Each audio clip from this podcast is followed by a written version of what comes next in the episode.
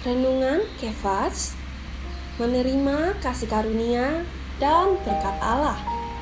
Ayat Alkitab Roma 12 ayat 1 mengatakan, "Karena itu, saudara-saudara, demi kemurahan Allah aku menasihatkan kamu supaya kamu mempersembahkan tubuhmu sebagai persembahan yang hidup, yang kudus, dan yang berkenan kepada Allah."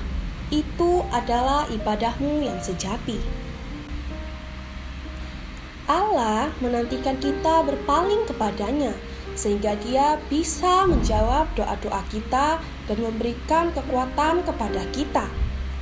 Segala sesuatunya tergantung pada apakah hati kita berpaling kepada Tuhan atau tidak. Jika hati kita berpaling kepada Tuhan, maka Tuhan sendiri, kasih karunia Tuhan, terang rohani, dan kekayaan-kekayaan rohani semuanya akan dicurahkan ke dalam kita.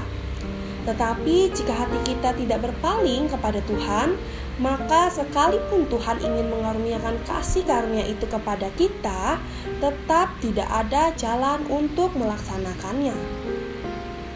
Jika kita mau mempersembahkan diri kita kepada Allah seperti ini, apa pun yang kita kerjakan menjadi sangat bermakna. Ketika kita berdoa, doa kita akan menjadi sangat istimewa. Ketika kita membaca Alkitab, Alkitab akan menjadi penuh dengan terang bagi kita. Ketika kita memberitakan Injil, pemberitaan Injil kita akan menjadi sangat penuh kuasa. Sobat Kefas, Semakin kita mengkonsentrasikan diri kita kepada Tuhan seperti ini, kita akan menjamah Tuhan dan semakin didapatkan oleh Tuhan. Orang seperti ini akan berjalan di jalan Tuhan dan akan bertumbuh dalam hayat setiap hari.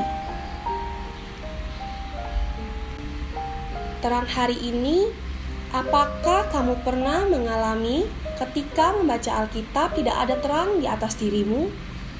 Maukah kamu memiliki hati yang sepenuhnya dipalingkan kepada Tuhan? Poin doa: berdoa agar kita dapat menjamah Tuhan dan didapatkan oleh Tuhan.